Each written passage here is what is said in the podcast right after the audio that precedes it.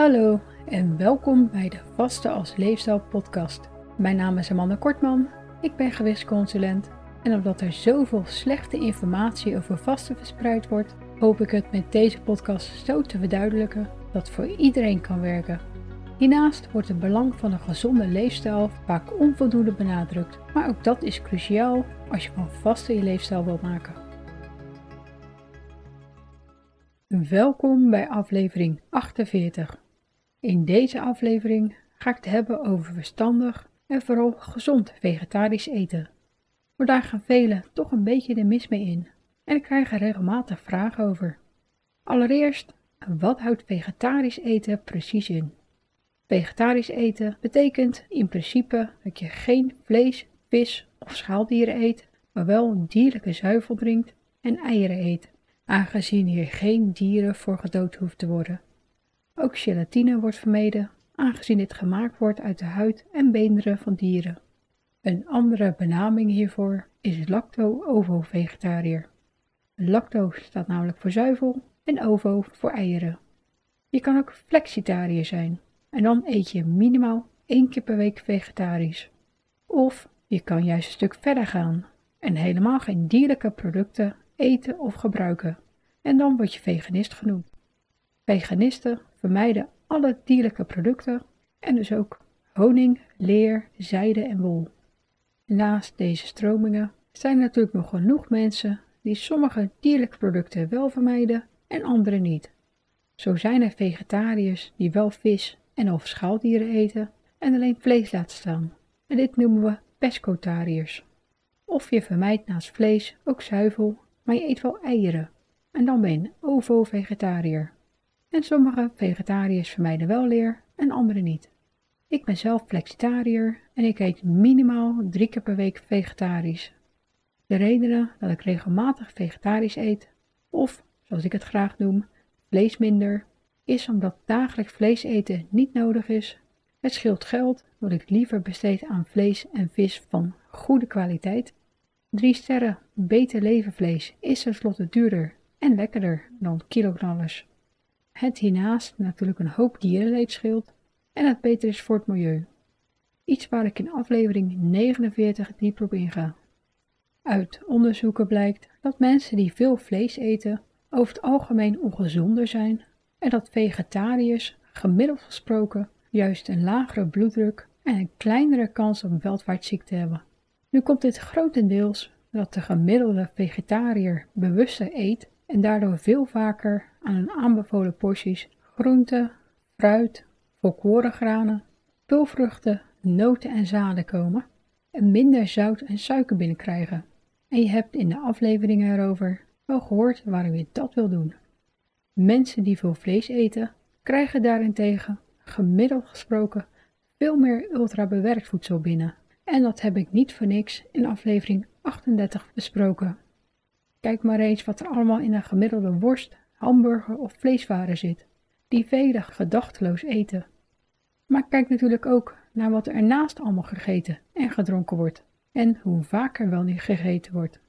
Denk maar aan de vele ongezonde tussendoortjes, koffie die vergelijkbaar is met een warme milkshake, suikerrijke dranken en andere snelle koolhydraten in de vorm van witbrood, gefrituurde aardappelproducten, noem maar op. En dan is de kans ook nog eens groter dat ze meer alcohol drinken en roken en minder bewegen. Ik vind het dus niet gek dat ze slecht uit de onderzoeken komen en vegetariërs zoveel beter.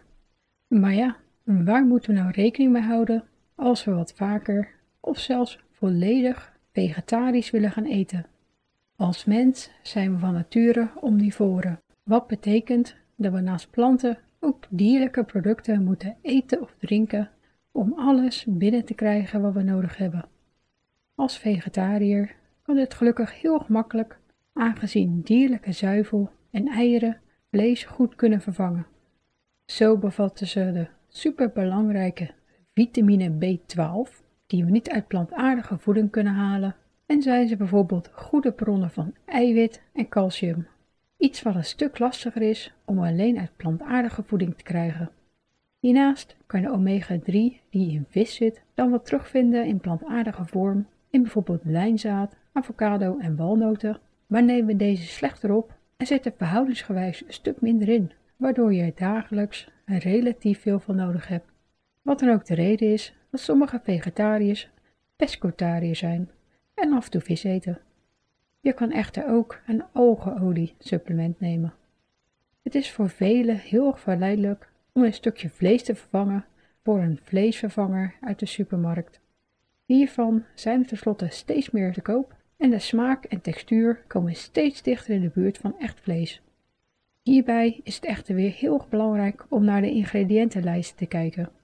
Over het algemeen zijn ze namelijk ultra bewerkt en diegenen die het niet zijn, missen vitamine B12.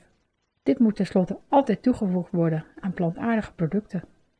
Nu is dit nog niet zo heel erg, maar vleesvervangers zitten vaak ook bomvol met ingrediënten waarvan het effect op onze gezondheid op de lange termijn nog onduidelijk is. Zo bevatten ze vaak toevoegingen zoals conserveermiddelen, kleurstoffen en verdikkingsmiddelen, welke ook wel bekend staan als emulgatoren en waarvan er een aantal gelinkt worden aan slechtere darmbacteriën, darmproblemen zoals colitis en PDS en zelfs aan het metabol syndroom en welvaartsziekten, doordat ze ontstekingsbevorderend kunnen zijn. Vooral als je regelmatig en langdurig binnenkrijgt, want een enkele keer zou weinig kwaad kunnen, maar maak er liever geen gewoonte van.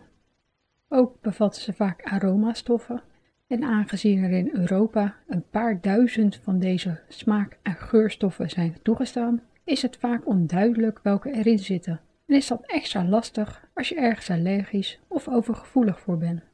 En veel ultrabewerkte vleesvervangers zijn op basis van granen zoals tarwe. En als je slecht tegen gluten of die FODMAPs kan, dan vallen ze toch echt af. Dat er extra vitamine D en B12 en mineralen zoals ijzer en calcium worden toegevoegd, is waarschijnlijk het minst erge en kan zelfs nuttig zijn. Maar vanwege alle voor onze gezondheid onduidelijke ingrediënten die ze bevatten, kan je haast beter een multivitamine nemen. Ook hiervan is natuurlijk altijd de vraag hoeveel je er daadwerkelijk van opneemt, dus houd het liefst zo simpel mogelijk als je vlees vervangt en let er natuurlijk op dat je voldoende vervangt. Je kan 100 gram vlees vervangen met B-eieren 100 gram tempeh, tofu of korn, 125 gram gare pulvruchten, 70 gram kaas of 25 gram noten, zaden of pinda's. Alleen eieren en zuivel zoals kaas bevatten hiervan natuurlijk B12, dus let erop dat je hier voldoende van binnen krijgt.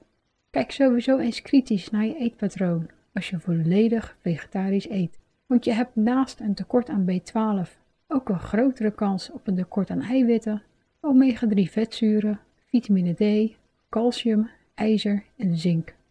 Luister de afleveringen erover dan ook nog een keertje terug als je niet meer precies weet waar ze allemaal in zitten. Gezonde vleesvervangers combineren is natuurlijk ook een goede optie. Strooi bijvoorbeeld wat geraspte kaas over een salade en voeg er ook een eitje en wat noten of zaden toe. En strooi wat kaas over bijvoorbeeld mijn veganistische chili en neem smiddags een paar eitjes op brood en een glas karnemelk erbij, zodat je dat alvast binnen hebt. En eindig je eettijd met een schoutje yoghurt met fruit. Ik heb net de simpelere vleesvervangers tofu, tempeh en korn genoemd, maar aangezien niet iedereen weet wat ze precies zijn, zal ik ze even kort bespreken. Zo zijn tofu en tempeh producten op basis van sojabonen en zit verschil tussen deze op de manier waarop ze gemaakt worden. Zo wordt tofu, wat ook wel bekend staat als tahu, gemaakt van gemalen sojabonen. Door dit malen ontstaat er een witte vloeistof die met zuursel gestremd wordt en er een vaste stof ontstaat, welke daarna in de herkenbare witte blokken geperst wordt. Tempeh is een soort van koek van zacht gekookte sojabonen, welke gefermenteerd zijn en wat een licht zure smaak veroorzaakt. Korn, daarentegen, wordt gemaakt van mycoproteïne, wat een gefermenteerd mycelium van een schimmel is, wat natuurlijk erg handig is als je niet tegen soja kan. Maar als je naar de ingrediëntenlijst kijkt, zie je ook dat er standaard kipeiwit in zit, wat nodig is als bindmiddel. En wat natuurlijk weer ongeschikt maakt als je veganistisch eet. Het bevat verder relatief weinig ijzer, maar voor af en toe kan het geen kwaad. En het is nog altijd een stuk beter dan alle echte ultra bewerkte vleesvervangers. Ze zijn alle drie trouwens behoorlijk smakeloos maar je kan er zelf simpel op smaak brengen met een scheutje olijfolie en kruiden of natuurlijk marineren met een marinade waar niet al te veel aan toegevoegd is. Ik zal nu nog wat tips geven als je ook wat vaker vlees wil laten staan.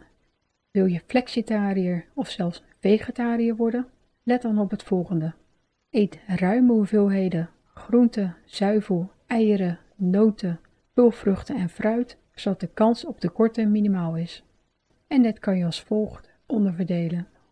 Zorg allereerst voor voldoende vitamine B12 door voldoende zuivel te nemen en dagelijks 1 of 2 eieren te eten. Let op je ijzerinname. Dit kan je onder andere in pulvruchten, volkorenproducten, vooral groene groenten en noten terugvinden. En neem hiernaast bij iedere maaltijd iets met vitamine C, zoals groente of fruit. Dit helpt namelijk met de opname ervan. Let ook op je eiwitten. Deze bouwstoffen heb je tenslotte onder andere nodig om je spiermassa op peil te houden, als transportstof voor diverse belangrijke stofjes en ze vullen goed, zoals ik ook in aflevering 32 besproken heb. Eet daarom bij iedere maaltijd een ruime portie eiwitrijke producten, zoals eieren, tofu, vark, skeer, kaas, noten, zaden of pulvruchten. Ben je geen fan van zuivel? Soja is dan de beste vervanger, maar let er wel op dat in ieder geval calcium en vitamine D en B12 aan toegevoegd zijn. Let sowieso op je calciuminname. En zoals ik in aflevering 34 al zei, komt het vooral voor in zuivel zoals melk, yoghurt en kaas en zit er een beetje in volkorengranen, groenten, pulvruchten en aardappelen.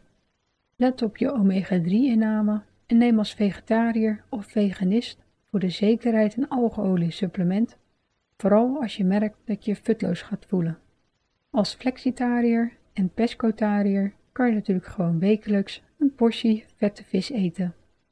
Maak het jezelf mentaal makkelijker en laat je maaltijden om groen te draaien. Experimenteer met diverse recepten waarin je telkens andere gezonde vleesvervangers langs laat komen. Veel mensen hebben de neiging om altijd dezelfde te gebruiken, maar het is een stuk lekkerder, gezonder en minder saai om er telkens mee te wisselen. Zo bak ik de ene keer een paar eitjes bij een rijstschotel, dan weer tofu of tempeh en dan weer korn. Hiernaast zijn er heel veel recepten waarin je pulvruchten kan verwerken en maak ook eens een lekkere pindasoep. Wil je nog een stapje verder gaan en veganist worden? Gebruik dan de voor jou net genoemde tips en schakel vooral in het begin het liefst een gespecialiseerde diëtist in, aangezien de kans op tekorten heel erg groot is als je gezond eet. In de standaard ultrabewerkte zuivel- en vleesvervangers wordt alles meestal wel toegevoegd, maar daar wil je natuurlijk niet te veel van binnen krijgen. En focus bij deze producten vooral op de hoeveelheid omega-3, vitamine B12, calcium, ijzer, zink en eiwit die ze bevatten. Vergelijk producten met elkaar, iets wat je makkelijk online kan doen bij de meeste supermarkten. En kijk naast de hoeveelheden van alle stoffen ook naar de porties die je ervan nodig hebt. En probeer natuurlijk de toegevoegde suikers en zouten zo laag mogelijk te houden. Vooral als je al een hoge bloeddruk of andere welvaartsziekte hebt. Vaker vegetarisch eten wordt steeds meer gestimuleerd door niet alleen de voedingsindustrie, die er tenslotte flink aan kan verdienen, maar ook door de overheid. De Gezondheidsraad is op dit moment dan ook aan het onderzoeken wat het vervangen van dierlijke eiwitten met plantaardige eiwitten voor de Nederlandse gezondheid doet. Dit noemen ze de zogenaamde eiwittransitie. Voor de gezondheid, mits je het goed doet en de duurzaamheid, kan het namelijk geen kwaad om minder vlees te eten. Er wordt ook vaak over zuivel gesproken, maar aangezien het lastig is om het wereldwijd betaalbaar, gezond en simpel te vervangen, zal alleen vaker vegetarisch eten al een groot verschil maken. En zoals met alles kan je vegetarisch eten rustig opbouwen door lekker te gaan experimenteren met vegetarische recepten.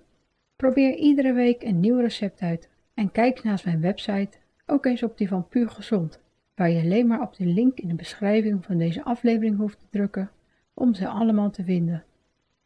In aflevering 49 bespreek ik duurzame leven. Dat is niet alleen nodig voor onszelf, maar al helemaal voor de volgende generaties.